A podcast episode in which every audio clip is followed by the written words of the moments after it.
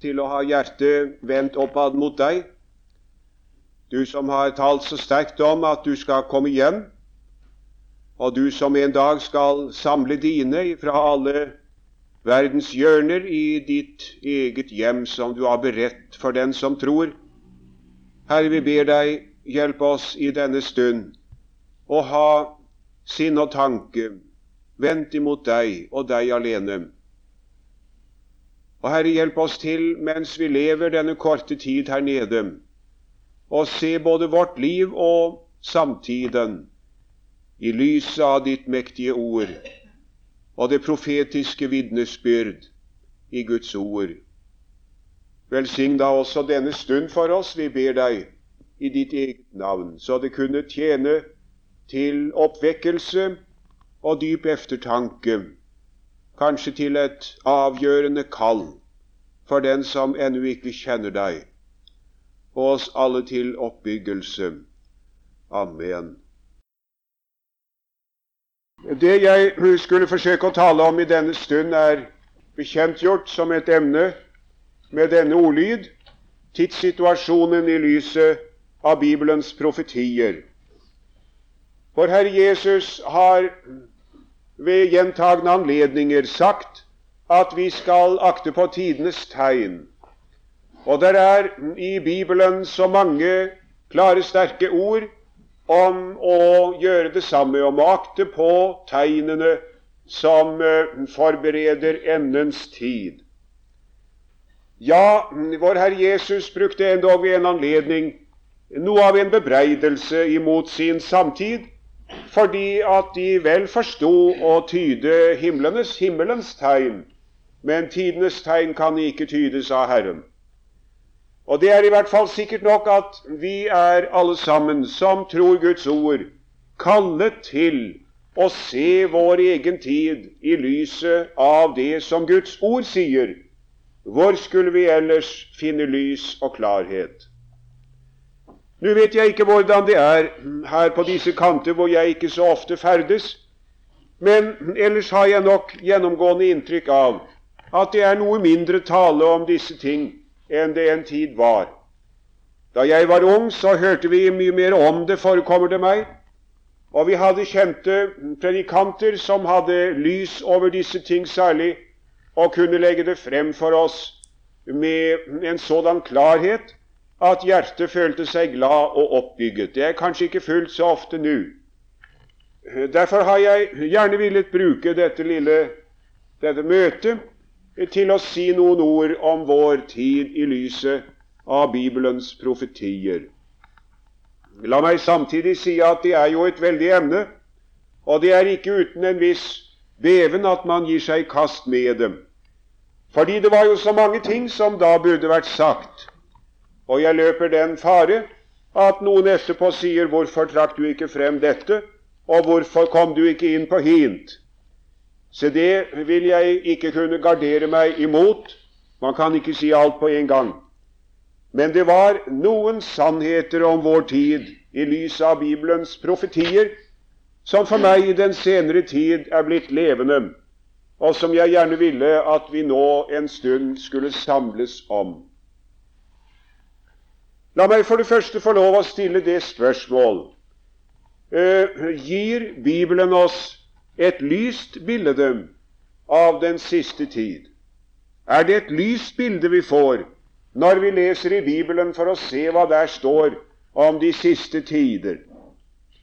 Enhver som er aldri så lite kjent i Bibelen, vil med letthet kunne svare på det spørsmålet, og spørsmålet må besvares med at det er ikke så. Det er ikke noe lyst bilde vi får. Det er tvert om med det dypeste alvor, ja, med rystende alvor, Bibelens profetier taler om den siste tid. Det ser vi jo også med de tegn som skal gå forut for endens tid. La oss bare i øyeblikket helt kort nevne det som Jesus selv forteller og forutsier i det 24. kapittel hos Matteus. En kunne si det at det er tre grupper av tegn, tre slags tegn, som han der ganske tydelig peker på for oss. det tre områder hvor der skal inntrede merkelige begivenheter. Det er for det første i naturlivet. Det er tale om jordskjelv og oversvømmelser, og himmelens krefter skal rokkes. Merkelige ting skal skje. Uventede ting inntreffes, og menneskene skal forferdes, ja, forferdes i fortvilelse når de ser himlenes krefter rokkes. Det er med andre ord noe som på en ganske egenartet måte skal innlede likesom veene imot den siste tid, også i naturlivet. Og for det andre så er det i menneskelivet, det alminnelige folkeliv, visse tegn som Jesus peker på. Det er krig og rykter om krig, det er hunger og pest og dyrtid, og det er jo alle disse tingene som der også er skildret så sterkt i Bibelens siste bok, og som vi ikke kan lese uten at vi rystes ved det. I sannhet krig og rykter om krig, det har det jo vært så lenge jorden har stått, men vi merker jo hvorledes det liksom vokser til et crescendo, og vi skjelver ved tanken på hva som kan komme. Det er ikke noe nytt i noe av det for den som tror på Bibelen. Men det tredje området som Jesus peker på, det er, det er eh, i, i, menigheten eller i kirken, eller la oss si i kristenheten. Og det er det som er veldig alvorlig, og som vi må stanse noe ved.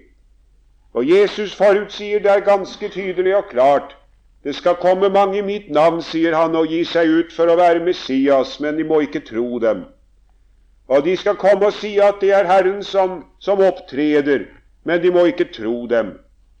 Og det skal komme med så mye tilsynelatende åndsmakt og så mye hellig utseende at, og en sånn forførende kraft at endog de utvalgte skulle kunne fare vill, om så var, om så var mulig. Det er med andre ord vrang lærdom og død gudsdyrkelse som skal opptrede innen den kristne kirke selv. Den kristne kirke da oppfattet i aller videste forstand kristenheten, kunne vi si. Vrang lærdom og død gudsdyrkelse. Og det er jo noe som Bibelen på så mange, mange måter peker på og legger vekt på. Det er merkelig. Det der har jo for så vidt den kristne menighet alltid vært fullt av. Vi forestiller oss lett at det i den første tid var bare fred og en kunne nesten si eh, idyll i menigheten, i den kristne menigheten. Men det var jo på ingen måte tilfellet. Og vi ser hvordan apostelen Paulus jo knapt hadde vendt ryggen til i de små menigheter som han hadde grunnet i Lille Asia og andre steder. Straks kommer det bak hans rygg noen som forfører menighetene med et annet evangelium, som han særlig skarpt taler om i Galatebrevet. Dette er noe som Herren har advart oss og sagt vi skal være klar over at mot den siste tid så skal det bli mye av sånt. Og Paulus taler også i det Antimotibrevs tredje kapittel om at uh, det skal være noe som heter å ha gudfryktighetsskinn, men fornekte dens kraft. Nå vel, heller ikke det er noe som er ukjent i menigheten. Tvert om, det har det vært hele tiden. Og vi ser jo endog i apostlenes gjerninger eksempel på det. Jeg tenker på Ananias og Safira, og en kunne nevne andre ting. Noe som er falsk, noe som gir seg ut for å være kristendom men blir avsløret som falskhet. Bibelen sier oss i den siste tid så vil det bli mye av det der. Og videre så sier Herren at det skal bli forfølgelse av hans venner på jorden. Og det har han forutsagt også så veldig klart i det 24. kapitlet i, uh, i Matteus evangeliet, i den talen som han der holdt og hvor det jo heter at de skal føres frem for landshøvdinger og fyrster og konger for mitt navns skyld. Og mange skal slås i hjel, men den som holder ut inntil enden, han skal bli frelst. Det er ikke noe lyst bilde, Nei, det er tvert imot et veldig alvorlig bilde. Nå vel, foreløpig skal jeg ikke gå nærmere på den kanten. Vi vender tilbake til alt dette. Men uh, bare for å få bakgrunnen for hva vi nå skulle betrakte, så var det at jeg reiste det spørsmålet om det er lyst, det bildet vi får av den siste tid. Og svaret måtte jo bli helt selvfølgelig det er nok å nevne noen spredte ting foreløpig. Svaret måtte bli nei. Det blir ikke noe lyst bilde. Om vi nå foreløpig lar den sak ligge, og så vender oss til vår tid, venner, og spør med en åndelig betraktning om vår tid Nå frembyr noe lyst bilde. Hva skulle vi så svare til det spørsmålet? At jeg er redd for at svaret ikke kunne bli så veldig optimistisk akkurat. La oss naturligvis ikke gå for raskt frem. La oss uh, se på de lyse trekk i bildet og aldri miste dem av syne.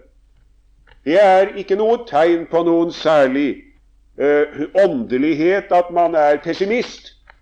Og det er ikke tegn på noe særlig dyp åndelig innsikt at man nekter å se det som er av lyst og godt å klage og å sukke og si 'her er bare galt', det kan knapt være rett når det faktisk er ting som det er all grunn til å glede seg over.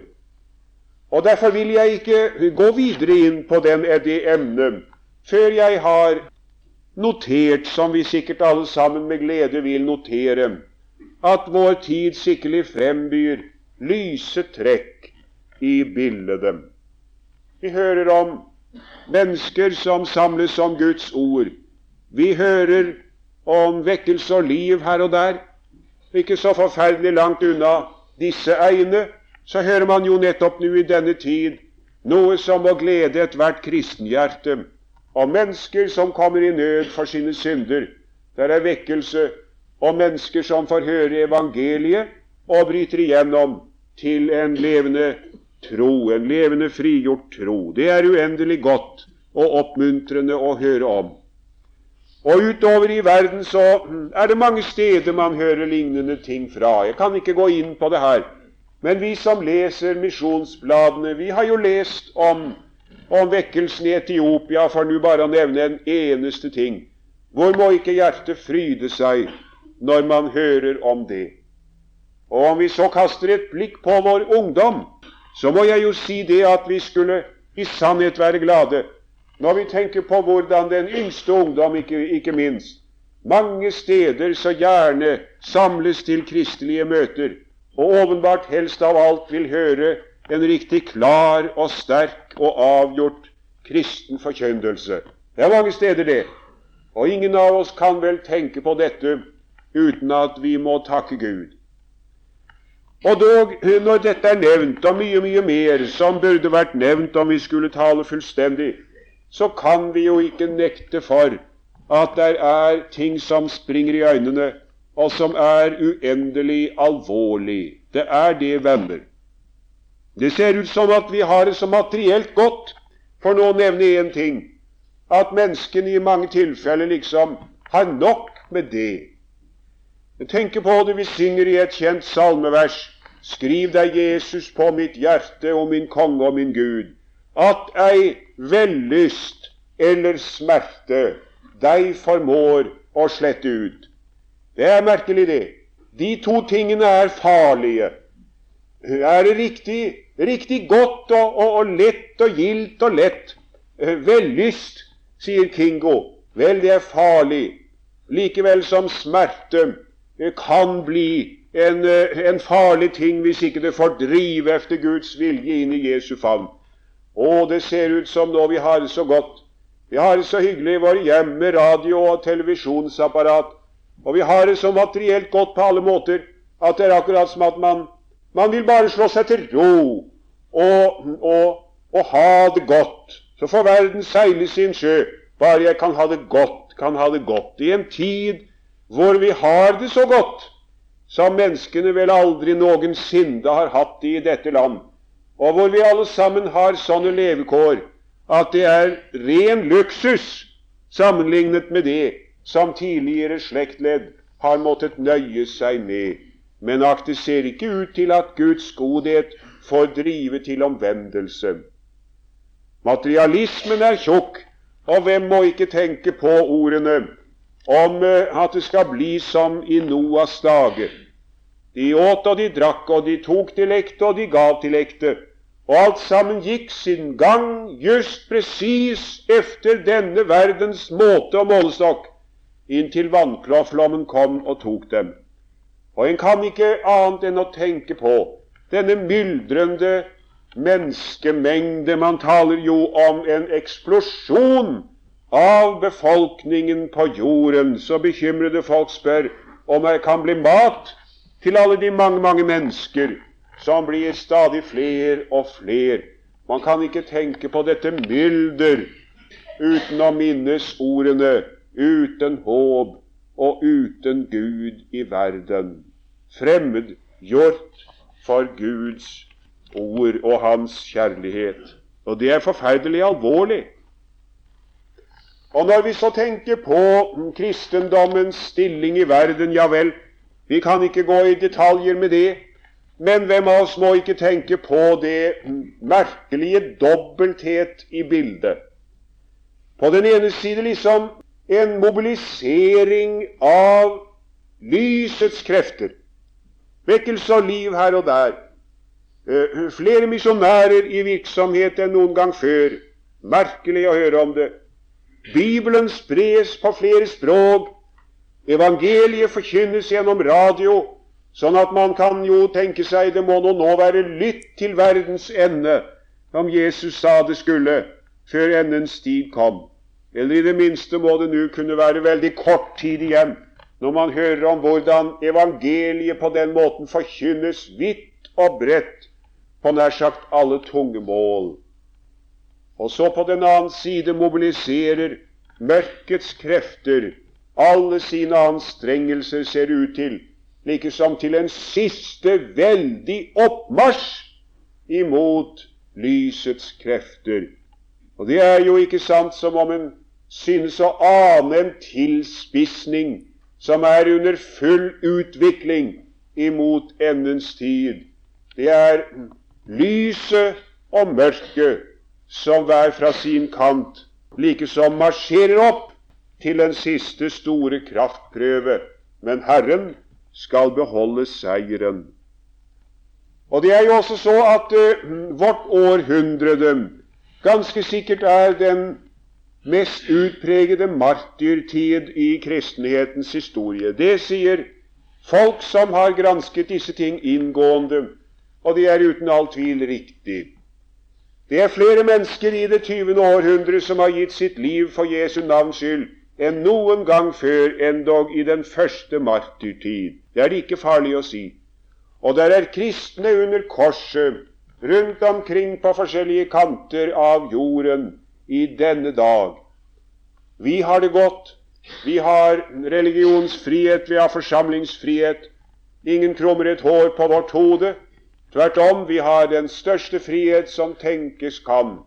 Men venner, venner, det er ikke mer enn 20 år siden så hadde vi et og annet.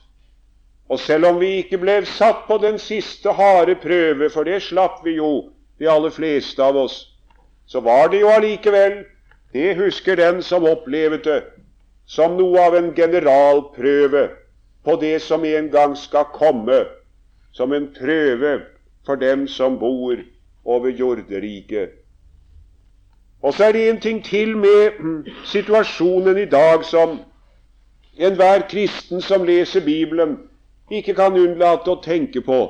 Og det er dette med den uhyre raske utvikling av alle ting. Tenk hvor fort det går. Jeg tenker ikke bare på at vi reiser med fly fra Stavanger til Oslo på en time, men jeg tenker på hvordan alt utvikler seg så rasende fort. Tenk på hva som er skjedd på forskjellige områder bare etter krigen. Og hvis vi ser tilbake, så må vi vel dessverre si at det er ting som ikke har vært til glede for den som måler tingene med Bibelens målestokk. Det går så fort. Det går så fort Og det skal vi være klar over, for det er som om det raser fremover imot den aller siste endens tid, og som om vi når som helst kunne høre det som komme skal, like som på trappen. Det går så fort. Og så enda en sak som skal nevnes her i denne sammenheng før jeg går videre. Og det er hvordan alt i våre dager synes å sentralisere seg. Alt sentraliseres. Jeg har jo ofte tenkt på når jeg leste Bibelen i gamle dager, og leste i, i, eh, i åpenbaringsboken om, om røster f.eks. som ble hørt av alle mennesker. Hvordan skulle det være mulig rundt den runde jord? At noen skulle kunne rope så høyt at alle mennesker kunne høre det. Jeg tenkte på det her i fjor. da Jeg satt og, og så på fjernsynsskjermen president Kennedy som talte under Cuba-krisen. Det var vel bokstavelig så at omtrent hele jorden hørte og så president Kennedy på skjermen. Og Det som var talt over i Amerika, det fikk vi her gjennom en satellitt ute i verdensrommet. Det går jo ganske rundt for en alminnelig mann når han skal forsøke å fatte noe av det som, som vi her alle sammen opplever. Og det var da jeg så bildet av, av en sånn mann tale der, så å si til hele jorden på samme tid, tenk det var for meg, sånn at jeg måtte si til meg selv alt synes legge seg til rette for den sterke hånd som en dag skal gripe roret på verdensguden. Og der, venner, kommer vi til noe som vi skal måtte stanse ved nå en stund. For saken er nemlig den at det bildet som vi innledningsvis forsøkte å skissere, det må nå utdypes ganske betraktelig. Når vi nemlig ser på endens tid, så ser vi en forunderlig dobbelthet. Vi ser et trykk utenfra, en forfølgelse av den kristne kirke. Men vi ser dessverre også et merkelig frafall innenfra. Det er det som er så veldig, veldig alvorlig. Og Om dette var det jo meget å si, men jeg vil samle det som jeg der skal forsøke å legge frem i å peke på to merkelige skikkelser som vi finner i åpenbaringsboken. Den ene er det som står i kapittel 13, hvor Johannes sier at han så et dyr stige opp av havet, som hadde ti horn og syv hoder, og på sine horn ti kroner, og på sine hoder bespottelsesnavn. Og så skildrer han dyret som steg opp av havet, villdyret som stiger opp ifra folkehavet. Hva er det for noe? Det er ikke nødvendig å gå inn i noen vidløftig utleggelse om den ting, men det er denne store fiende av den kristne menighet som vi har kalt for Antikrist. Det er det skremmelige bildet. Dyret, står det. Kanskje vi like gjerne skulle oversette det med villdyret. Det er herskeren som har makten, og som har makten på den forferdelige måten, og bruker den på den forferdelige måten at det skal være dyrets merke på alles hånd og panne. Og hvis ikke de har dyrets merke, så kan de verken kjøpe eller selge. Og det er, det, er, det er, veldige ting som er skildret i og med denne forunderlige skikkelse, denne skremmelige skikkelse som der er tegnet for oss imot den siste tid. Alle som ikke hadde dyrets tegn på, på sin panne, som ikke hadde det å vise for seg, har ingen eksistensmuligheter. Hva skulle man gjøre hvis man altså ble avkrevet liksom en legitimasjon for at man var godtatt, og så ikke hadde dem? Og vi som lever i en moderne tid med en moderne stats muligheter for å kontrollere hvert enkelt levende menneske inn i detalj, kan vel først for alvor forstå hva alvorlig sak det der er. Ingen unntagelser, ingen unntagelser tåles. Ikke en eneste en er fritatt, så langt som villdyrets velde går. Det er et bilde på det som apostelen Johannes så, og som Gud hadde vist ham. Jeg må tenke på det som Daniel taler, og som også jo er et profetisk bilde om, eh, om eh, det at kongens bilde den gangen skulle alle tilbe. Alle skulle falle ned og tilbe kongens bilde, og de som ikke gjorde det, de skulle i ildovnen. Husker du hvordan det gikk? Alle sammen falt på sitt ansikt, og så var det tre mann som ikke gjorde det. Tre mann. Kunne mange kanskje tenke at ja, hva kan tre mann være? En sånn en liten minoritet, det kan da ikke være så farlig, det måtte man kunne tolerere. Ikke tale om. De tre blir kastet i ildovnen, hvor Herren redder dem på en underfull måte. Det er villdyret. Det er det ene av disse forunderlige, skremmende skikkelser. Men der er en annen. Og det er den skikkelsen som er skildret i uh, det 17. kapittel i Johannes' åpenbaring. Og en av de syv engler som hadde de syv skåler, kom og talte med meg og sa:" Kom, jeg vil vise deg dommen over den store skjøge som sitter på de mange vann. Og så skildres det, og du som har lest i Bibelen, vil huske denne skildring av kvinnen, av skjøgen, han førte meg i ånden ut i ørkenen, og jeg så en kvinne sitte på et skarlagenrødt dyr som var fullt av bespottelsesnavn og hadde syv hoder og ti horn. Villdyret, kvinnen, skjøgen, satt på på dyret.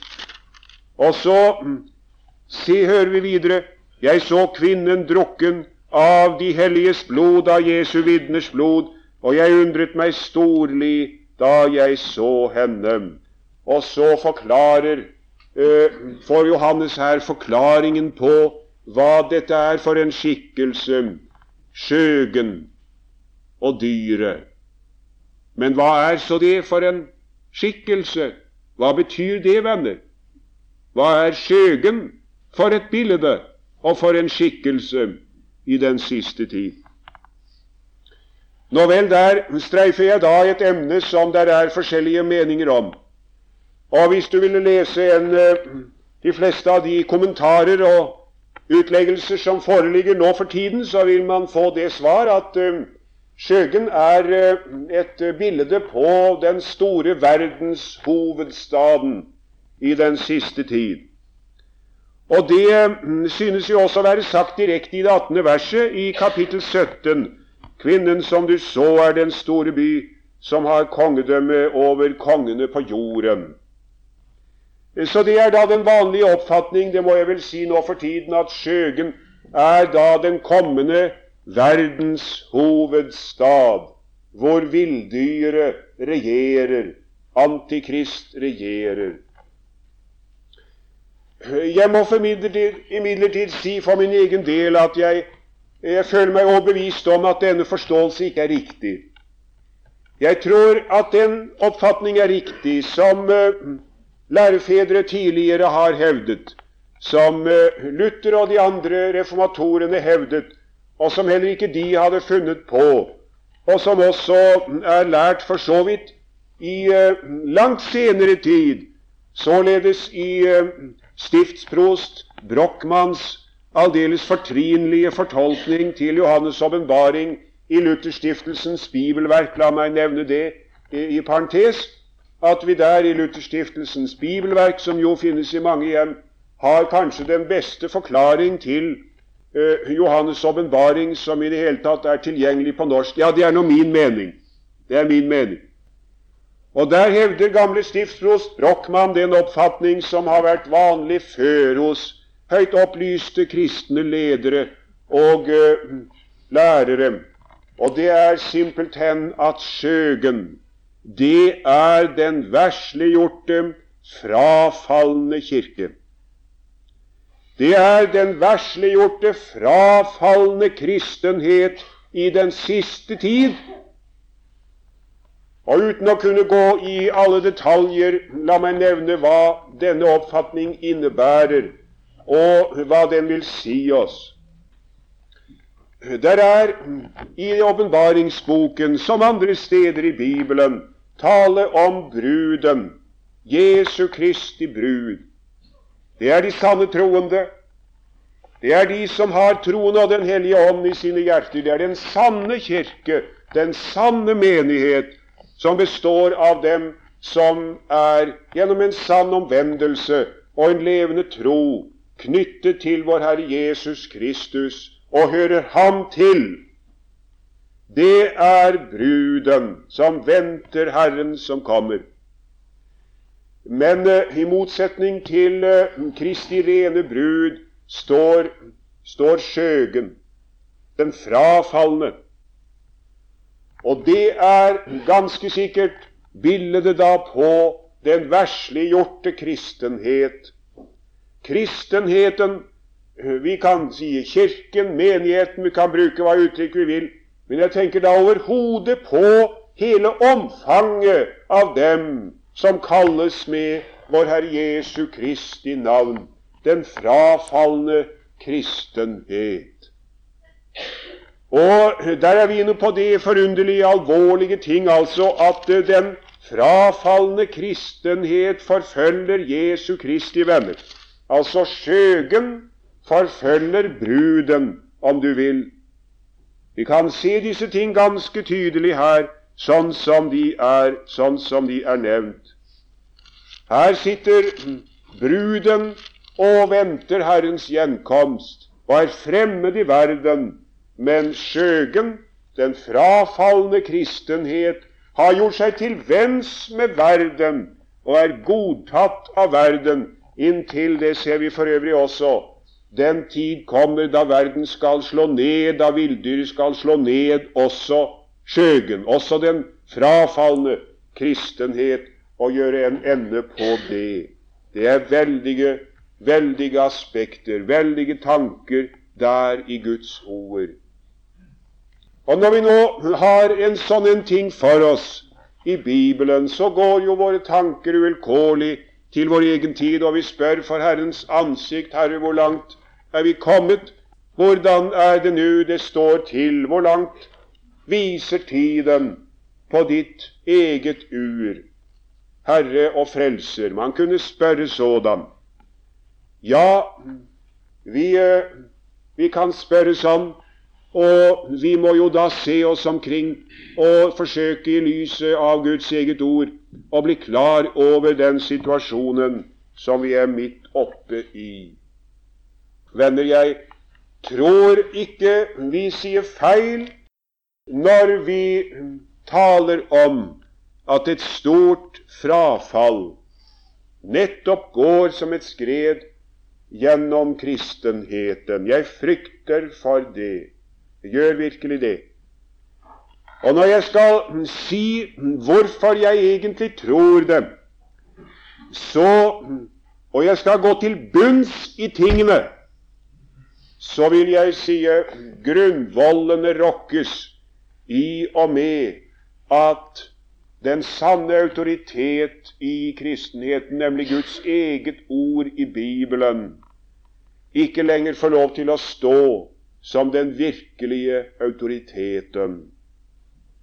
Og der, vet du, der, der var det jo veldig mange ting å si. Jeg måtte jo holde et helt foredrag om jeg tilnærmelsesvis skulle ha uttømt bare det emnet.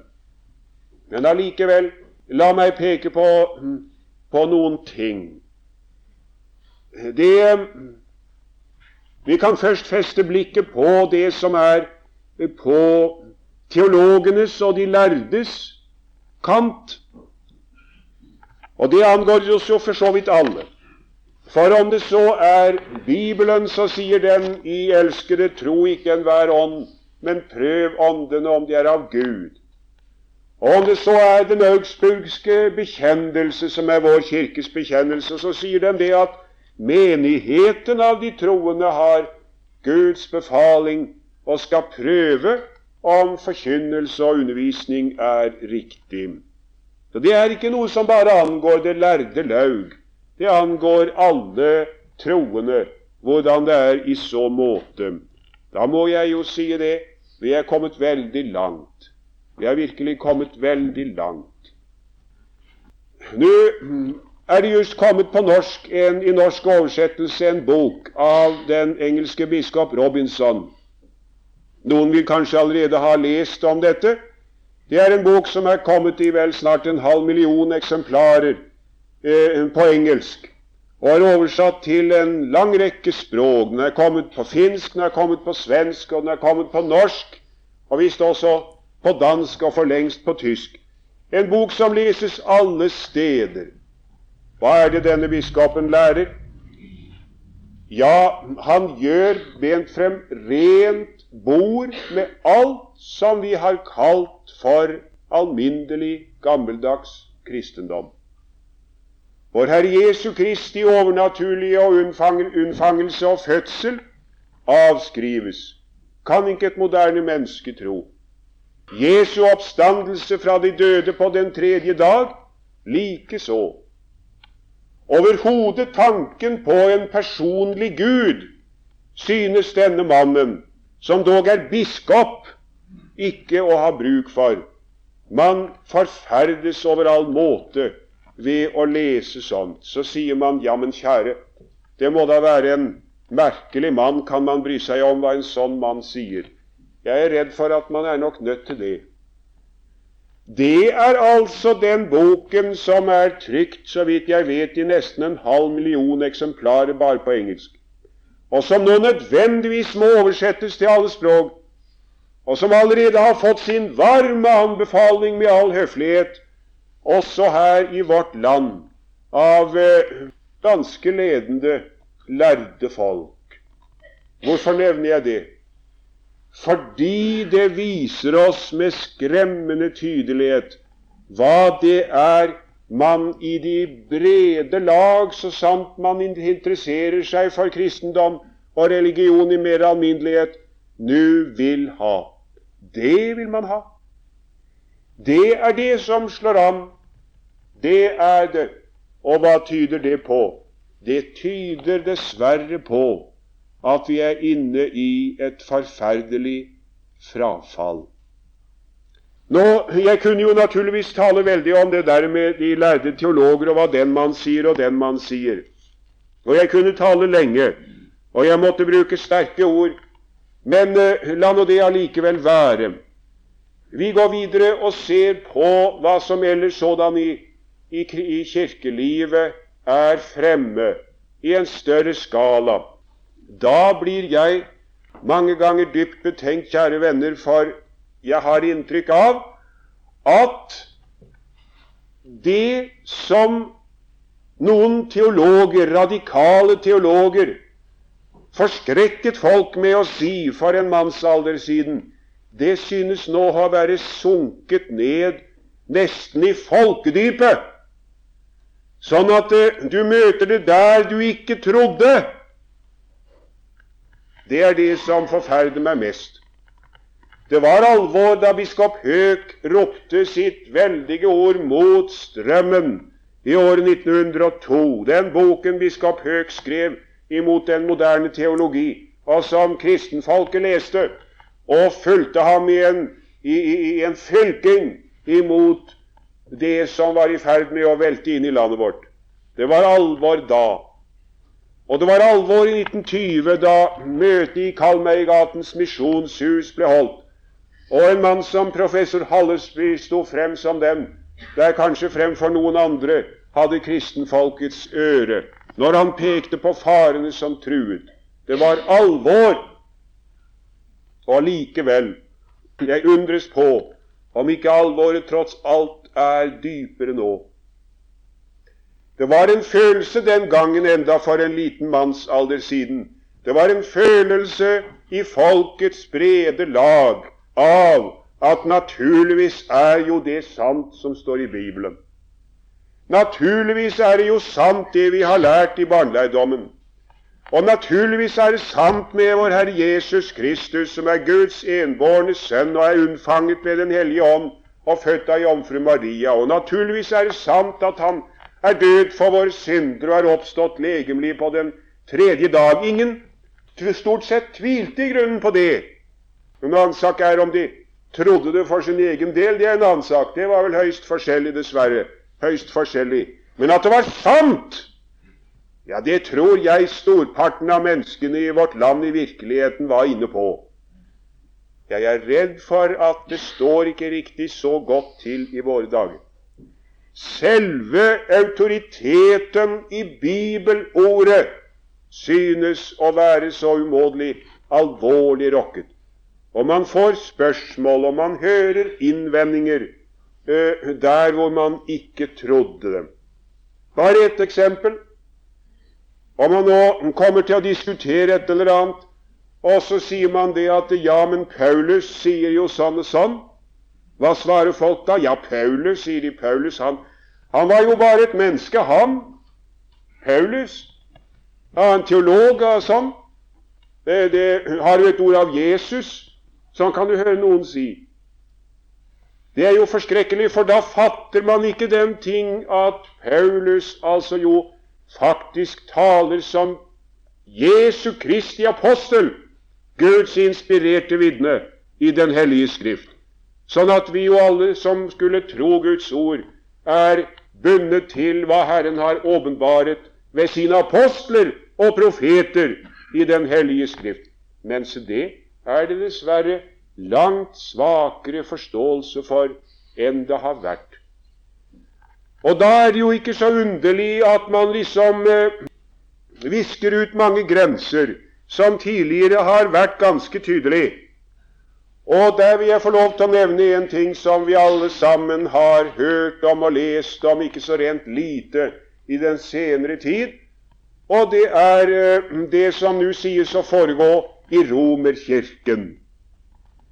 Det har jo stått så mye i avisene om den ting at det alle sammen så kjenner vi til. Og pave Paul den 23., den forrige paven, han sammenkalte det annet Vatikankonsil i Rom. Og likeså efterfølgeren Paul den 6., som reiste til, eh, til eh, Det hellige land på pilegrimsferd, og der nede møtte overhodet for den gresk-ortodokse kirke, den gresk-katolske kirke, sånn at man kunne se bilder av dette i alle aviser og blader, og likeså på fjernsynsskjermen hvis man ville. Dette er noe som har vært godt stoff, som har vært lest og kommentert om igjen og om igjen og atter om igjen. Og hva er det som blir sagt? Hva er det du leser i bladene? Og hva er det du hører folk sier?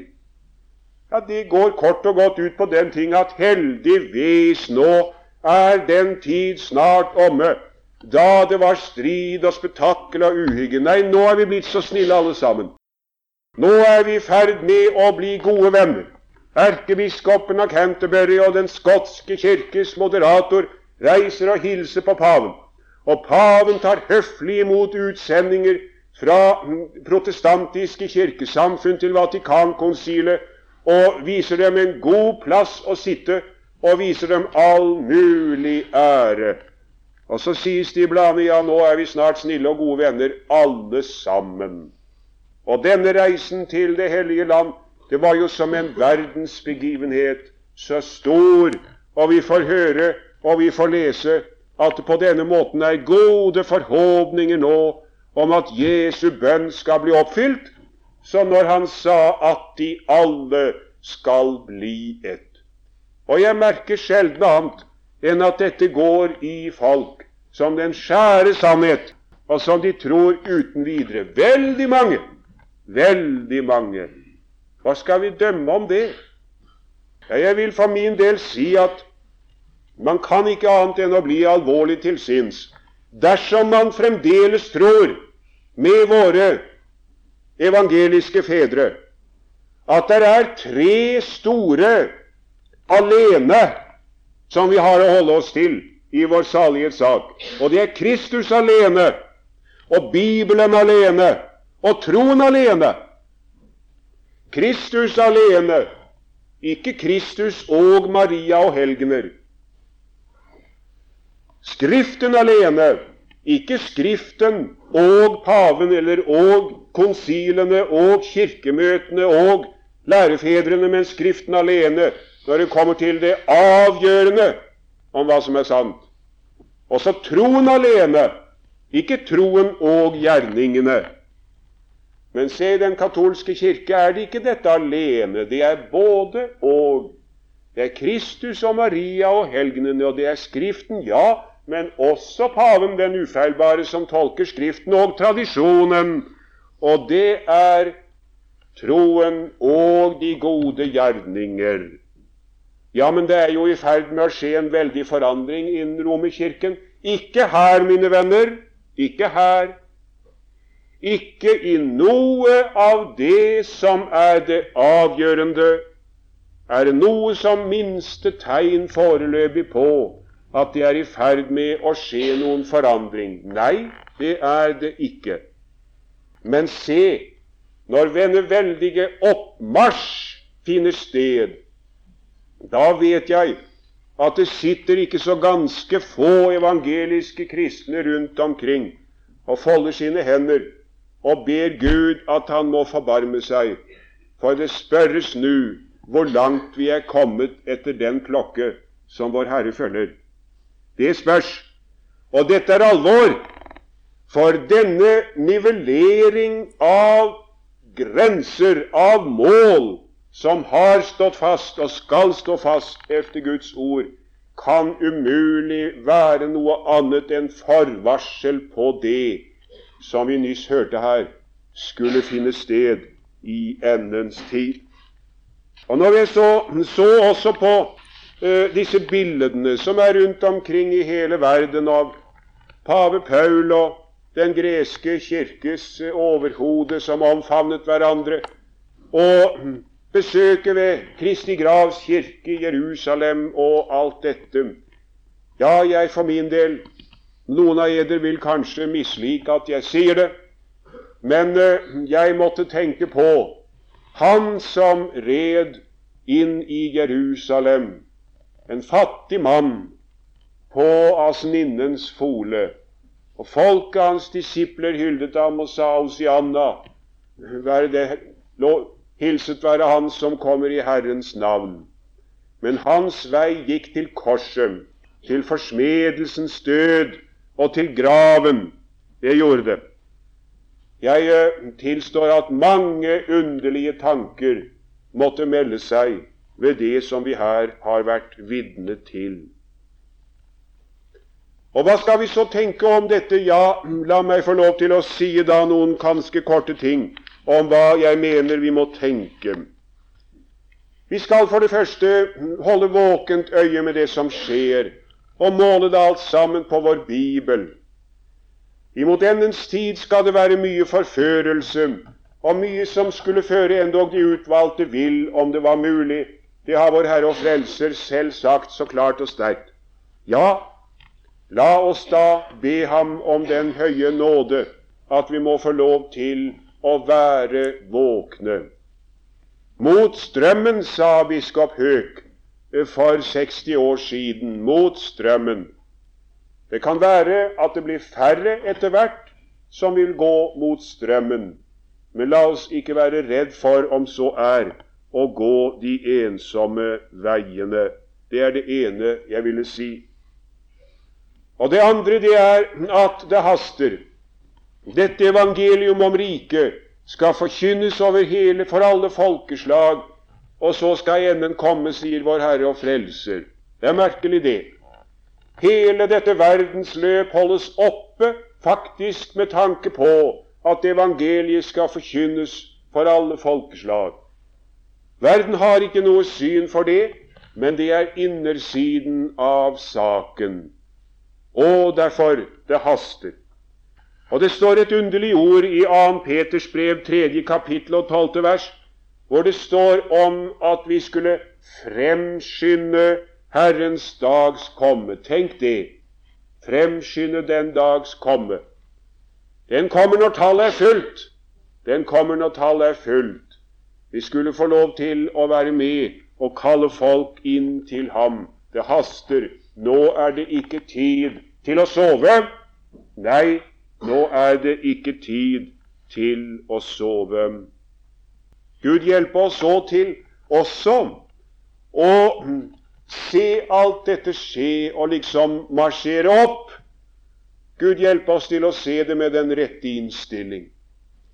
Venner, det går an å tenke på dette, og det går an å tale om det også eh, ganske sikkert på en sånn måte at motet svikter, og liksom gleden visner bort fordi det blir så skremmelig alt sammen, og så forskrekkelig. Og så fristes vi til at det skal gå med oss som det gikk med Herrens disipler i Getsemane, hvor de sovnet av bedrøvelse. For det går også an. Man kan sovne i glede og gode dager. Man kan også sovne av bedrøvelse. Det er så veldig tungt alt sammen som man sovner av. Nei, venner, ikke det. Ikke det. Nei, vi skulle få lov å huske vår Herre og Frelsers ord når Han sier at når De ser alt dette skje, da løft eders hoder, for eders forløsning stunder til. En skulle få se på dem med troens stille glede. Det er noe nytt som bryter frem. Jeg tenkte på det. Det er en del år siden det skjedde. Jeg var på Vestlandet noe lenger eh, nordover her og sto en tidlig morgen på dekket av båten. Og det var tåke, så jeg, vi kunne ikke se riktig hvor båten gikk. Og som så mange ganger før så undret jeg som landkrabbe om hvordan egentlig de bærer seg at oppe på broen med å kunne gå når man faktisk ikke ser noen ting foran seg. kom jeg til å se litt opp. Tåken lå, eh, morgentåken, så det var liksom oppover til masten og tåke alle veier. Så fikk jeg se plutselig at det kretset måker over skipet. Og så et underlig syn, for jeg så liksom det blinket i vingene på måkene der de seilte rundt omkring i mastehøyde. Og så skjønte jeg tåken, skodden, den er ganske lett. Den ligger ganske lavt. Du skal ikke lenger opp enn i mastehøyde, så er du i solen. Og jeg kunne ikke se solen, men jeg så gjenskinnet av den på hastige måkevinger like over hodet mitt. Ja, du har sagt at du kommer. Ja, du har sagt du er nær. Herre, jeg venter din sommer oppad mot hjemmet jeg ser.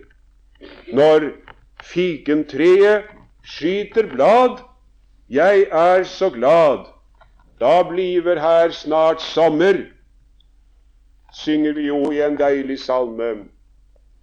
Å, venner, måtte vi ha den innstilling. Og så endelig Gud hjelpe oss til i en rett tro og i en enfoldig hjerte å vente Herrens gjenkomst. Det er over 30 år siden nå men jeg husker det som om det var i forrige måned. Det store misjonsmøtet i Kalmøygatens misjonshus i september 1932. Da den gudsmann Henry Ussing, stiftsprost Henry Ussing fra København, talte om uh, misjonen i lys av Jesu gjenkomst.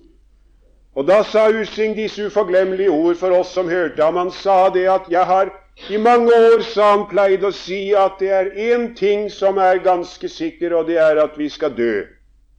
Nå sier jeg ikke det mer, sa den gamle mannen der han sto, for det er én ting som er sikrere enn døden, og det er Jesu gjenkomst. Kanskje kommer han ganske snart og uforvarende og henter oss. Og jeg ville gjerne være innstillet på det, sa han, at jeg skulle få leve når Herren kommer.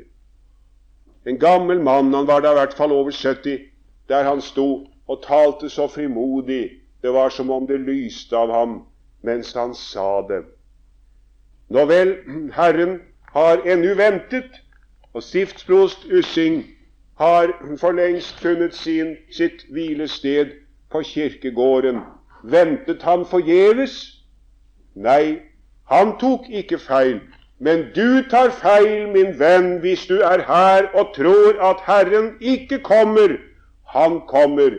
Å, hvor stort å få lov til i en uklar tid, i tidens virvar, tåke, å ha lys fra oven, og så vente Han som kommer.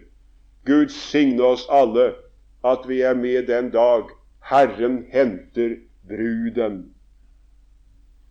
Kjære Herre Jesus. Det er så alvorlig å leve. Det er så alvorlig å se de veldige ting som skjer i tiden omkring oss. Og det er så veldig også å merke i sitt eget hjerte kreftene som bryter på. Herre, vi har den enkle bønn til deg denne stund. Hjelp oss, alle sammen som tror at vi aldri må miste deg og ditt ord og din sannhet av syne. Og hjelp oss så i denne store flokken, kjære Herre og Frelser. Du ser nok den som her ikke kjenner deg. Og Herre, hjelp at ditt sannhetsord måtte få gjøre sin virkning hos en sådan her i denne kveldsstund. Og hjelp oss så når vi går herfra til å ta sannhetene i ordet med oss, og grunne på det, tenke på dem og leve ved det. Ditt navn til ære. Amen.